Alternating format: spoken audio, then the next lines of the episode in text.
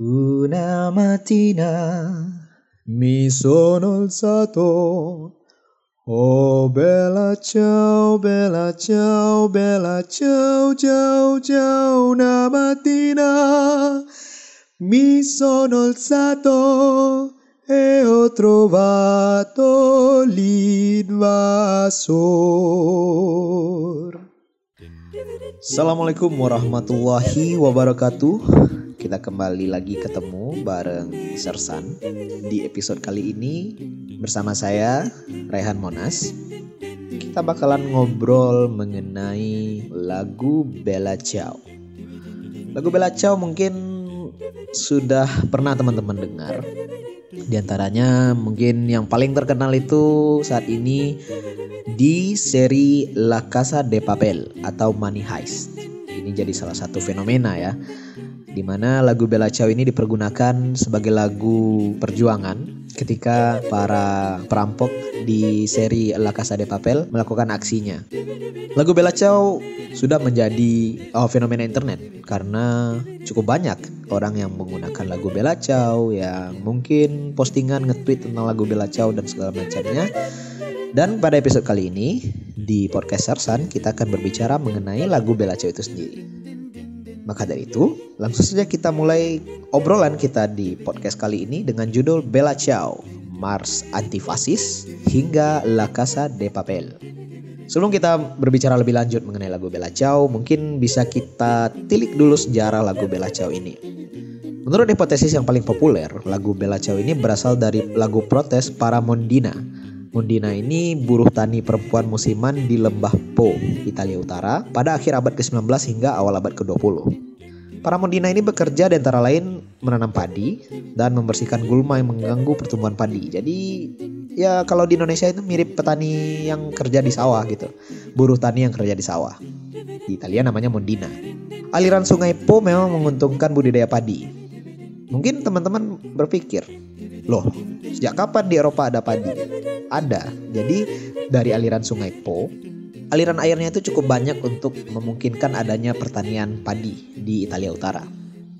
Dan pada waktu itu, lagu Bella Ciao ini digunakan oleh para buruh tani di sana untuk menggambarkan pekerjaan ataupun penderitaan mereka di bawah kekuasaan tuan-tuan tanah yang berjuis dan aristokratis. Setelah itu, lagu Bella Ciao digunakan oleh para partisan pada masa perlawanan Italia melawan fasisme. Kalau kita melihat sejarah kapan Bella Ciao ini direkam untuk pertama kali dan menjadi sebuah lagu yang uh, bisa diperdengarkan atau bisa diputar, itu pertama kali direkam pada tahun 1962. Pertama kali direkam oleh musisi Italia yang berhaluan kiri, Giovanna David. Kemudian tiga tahun berikutnya pada tahun 1965 seorang penyanyi yang juga berhaluan kiri dari Italia, Maria Ilia Biolcati, menyanyikan lagu ini dan berkontribusi untuk meluaskan penyebaran lagu ini di Eropa. Jadi pada dekade 60-an dan 70-an itu mulai penyebaran lagu Bella Ciao tidak hanya sekedar di Italia tapi sudah menyebar ke seluruh Eropa. Pada dekade 70-an, seorang pria Italia yang bermukim di Prancis, Yves Montand, mempopulerkan lagu ini.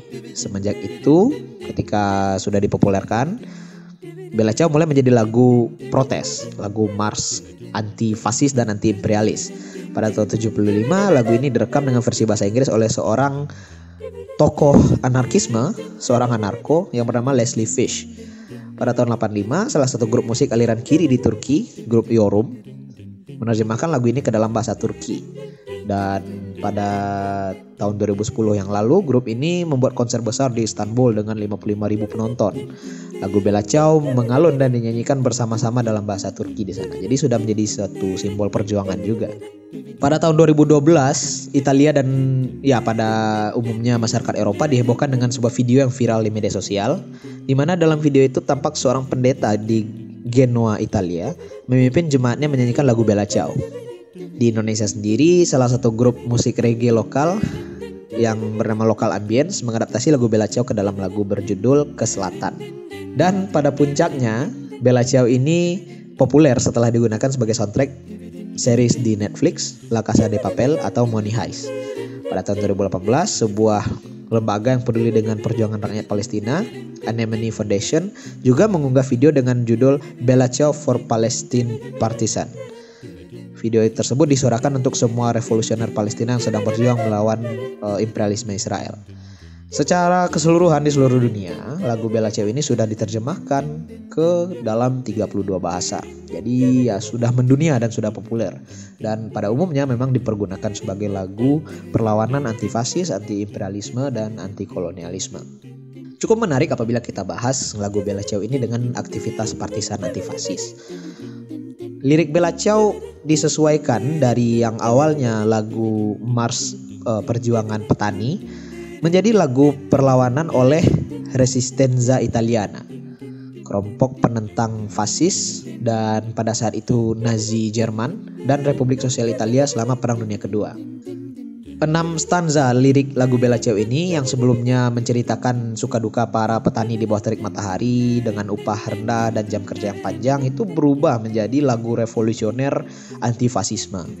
Bella Ciao dipergunakan oleh para partisan atau para pejuang atau di dalam lagu Bella Ciao bisa kita dengar Fartigiano menjelbab menjadi sebuah lagu yang mungkin bisa kita analogikan sebagai David melawan Goliat gitu. Sebuah kekuatan kecil yang berdiri untuk melawan hegemoni politik yang besar ketika itu. Enam stanza kemudian bercerita mengenai perjuangan melawan penjajah. Atau di dalam lagu bisa kita dengar di kata invasor tentang kematian demi kemerdekaan di berbagai belahan dunia seperti yang kita ceritakan tadi di Turki, di Palestina itu dipergunakan sebagai lagu untuk menyatakan keinginan untuk perubahan, resistensi terhadap kekuasaan dan hegemoni yang menindas entah oleh orang-orang yang menjadi korban dari imperialisme ataupun juga dipergunakan di Brazil sebagai mars oleh demonstran penentang kelompok sayap kanan dan juga digunakan sampai ke aktivis lingkungan sebagai bentuk permintaan dukungan politik melawan pemanasan global. Jadi sudah dipergunakan dalam banyak perjuangan, tidak hanya perjuangan politik tapi juga perjuangan lingkungan, perjuangan ideologi dan juga perjuangan ekonomi tentunya. Pada akhir 2019 eh, di Italia sendiri lagu tersebut dinyanyikan oleh para pengunjuk rasa di Bologna sebagai bentuk protes terhadap mantan Menteri Dalam Negeri Italia Matteo Salvini. Ya memang lagu Bella Ciao bisa kita anggap sebagai lagu yang sudah universal mengenai perjuangan. Dan lagu Bella Ciao akhir-akhir ini tidak bisa kita pungkiri bahwa lagu Bella Ciao ini mulai uh, masuk ke dalam pasar mainstream atau ke dalam pembicaraan di media sosial melalui budaya-budaya populer. Salah satunya yang telah kita singgung tadi La Casa de Papel atau Money Heist yang menjadi seri yang diklaim paling banyak ditonton di Netflix. Seri berbahasa non Inggris yang berbahasa Spanyol yang paling banyak ditonton di Netflix. Kembali ke pembahasan mengenai Bella Ciao tadi, memang sejak awal ketika digunakan oleh para mondina atau para petani dan para partisan Italia, Bella Ciao pada dasarnya memuat gagasan tentang perjuangan, resistensi, dan harapan. Tiga hal ini mungkin menjadi alasan kenapa Bella Ciao digunakan sebagai soundtrack seri La Casa de Papel. Untuk pembahasan selanjutnya, mungkin teman-teman yang belum nonton Money Heist atau belum nonton La Casa de Papel uh, akan ada beberapa spoiler dalam beberapa saat ke depan. Jadi kalau seandainya teman-teman belum nonton atau uh, keberatan dengan uh, adanya spoiler, ya fairly warning aja ini ada spoiler alert. Berbicara mengenai La Casa de Papel. Premis dari seri La Casa de Papel ini sederhana. Mereka merampok untuk menunjukkan resistensi. Mereka merampok untuk melawan ada sebuah frasa yang cukup sering diulang-ulang di dalam seri La Casa de Papel itu somos la resistencia. Narator La Casa de Papel Tokyo memberitahu kita pada episode ke-13 di season 1 tentang alasan dipakainya lagu Bella Ciao oleh kelompok profesor.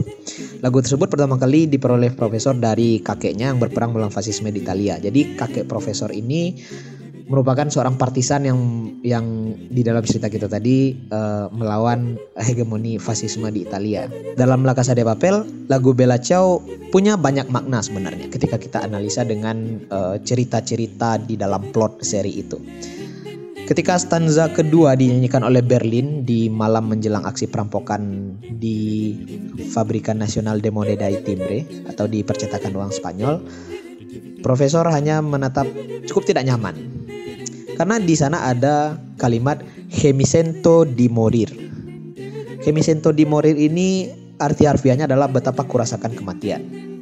Bagi teman-teman yang sudah nonton, kita tahu Berlin gugur ketika menahan para polisi agar kawan-kawan yang lain dapat lolos dari terowongan di bawah uh, Royal Mint of Spain atau Fabrikan Nasional de Modena y Timbre. Sebuah aksi yang juga uh, berhubungan dengan stanza terakhir, baris terakhir lagu Bella Ciao, Morto per la Libertà, mati demi kebebasan. Memang kematian Berlin menjamin kebebasan kelompoknya sekaligus membebaskan Berlin dari penyakit yang dideritanya.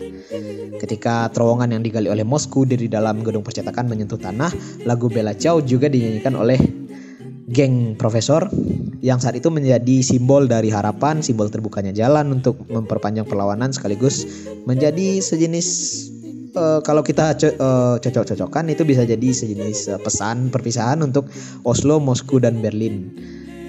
Dan tentunya apabila kita masukkan plot di Bank of Spain, tentunya juga merupakan momen perpisahan bagi Nairobi. Kesuksesan seri La Casa de Papel membuat Bella Ciao begitu populer di seluruh dunia dan ini jadi memang benar-benar fenomena besar ya karena ada banyak postingan di internet yang kita lihat yang memuat konten lagu Bella Ciao. Tidak hanya itu, tidak hanya di Money Heist atau di La Casa de Papel, mungkin teman-teman yang hobi nonton film juga sudah menonton film The Two Popes. The Two Popes ini berkisah mengenai drama biografis tentang perjalanan dua orang paus yang menggantikan Paus Yohanes Paulus II yakni Paus Benedictus ke-16 dan Paus Franciscus. Di film ini lagu Bella Ciao dinyanyikan oleh The Swiggle Sister. Ini memiliki konsep akapela dan kalau teman-teman notice uh, back sound dari podcast episode kali ini diambil dari uh, lagu Bella Ciao yang dimuat di dalam film The Two Popes ini. Apabila kita analisa peran Bella Ciao di dalam film tersebut, stanza kedua Bella Ciao muncul pertama kali ketika helikopter Kardinal Bergoglio dan uh, Paus Benedictus mendarat di depan istana Paus. Kemudian stanza kelima muncul saat Kardinal Bergoglio keluar dari bar setelah menonton bola bersama para pendukung timnas Argentina. Ini menarik karena bagi Paus Benedictus yang telah mempertimbangkan untuk mengundurkan diri dari jabatan Paus, Bella Ciao adalah lagu yang menyimbolkan salam perpisahan. Namun di sisi lain bagi Kardinal Bergoglio atau yang sekarang kita kenal dengan Paus Franciscus, seorang uskup yang menolak tinggal di istana uskupnya di Buenos Aires, Argentina, dia memiliki karakter yang ingin berbaur, ingin berdekat dengan orang-orang miskin seperti itu. Maka dari itu dia dengan santainya pergi ke bar, nonton bola, kemudian uh, berdansa dan juga berpihak kepada masyarakat miskin, dekat dengan masyarakat miskin dan itu dijadikan landasan dari perjuangannya dalam uh, melayani Tuhan. Dan ketika uh, lagu ini kita analisa dari segi liriknya, di lirik Etutikeli he passerano, midirano he belfior. Itu artinya dan semua yang melintas akan berkata bunga yang indah. Ini menyimbolkan bagaimana kita menampilkan atau membuat kebaikan sehingga orang-orang yang melihat kebaikan kita itu ikut senang dan juga terinspirasi untuk melakukan kebaikan lainnya. Dan semenjak dipergunakan di dalam budaya populer, Bella Ciao memiliki eksistensi yang cukup meroket, bisa kita akui. Dan apabila kita lihat pada masa pandemi COVID-19 sekarang ini, Bella Ciao dipergunakan oleh masyarakat Eropa, tidak hanya Italia, untuk mars melawan pandemi COVID-19. Ada beberapa video yang bisa kita lihat di YouTube. Salah satunya di Italia ketika masyarakat Italia menyanyikan lagu Bella Ciao bersama-sama dari balkon yang memberikan semangat bersama untuk kita bisa melewati masa-masa sulit ini gitu. Jadi cukup menarik lagu Bella Ciao ini mulai dari uh, lagu perjuangan petani, lagu perjuangan partisan melawan fasis, melawan imperialis, jadi lagu perlawanan aktivis lingkungan, jadi perlawanan uh, Palestina, perlawanan Turki, hingga menyampaikan simbol-simbol melalui budaya populer seperti di series La Casa de Papel dan di film The Two Popes. Dan memang tentunya pada akhirnya di lagu Bella Ciao ini esensi utama dari lagu Bella Ciao adalah morto per la libertà, mati untuk kemerdekaan. Jadi ini memang sebuah lagu perjuangan, lagu revolusioner yang bisa menyemangati kita dan tentunya di masa pandemi ini bisa kita gunakan untuk soundtrack perjuangan melawan pandemi COVID-19 ini karena pandemi COVID-19 merupakan penyakit wabah penyakit yang sudah mewabah secara global. Semua orang di dunia sudah terpengaruh oleh pandemi ini dan tentunya kita perlu kekuatan bersama untuk melawan pandemi ini. Oke, sekian dulu pembahasan kita mengenai lagu Bella Ciao di episode Sersan kali ini. Terima kasih sudah mendengar episode kali ini. Dan di bulan depan kita bakalan ada banyak hal-hal baru dari Sersan. So, stay tune di media sosial kita. Di Instagram ada sersan.id, di Twitter ada sersan underscore ID, dan di Spotify tentunya. Di Sersan, serius tapi santai. Baik, terima kasih sudah mendengarkan. Saya Rehan Monas undur diri. Jaga kesehatan, tetap semangat, dan sampai jumpa. Assalamualaikum warahmatullahi wabarakatuh.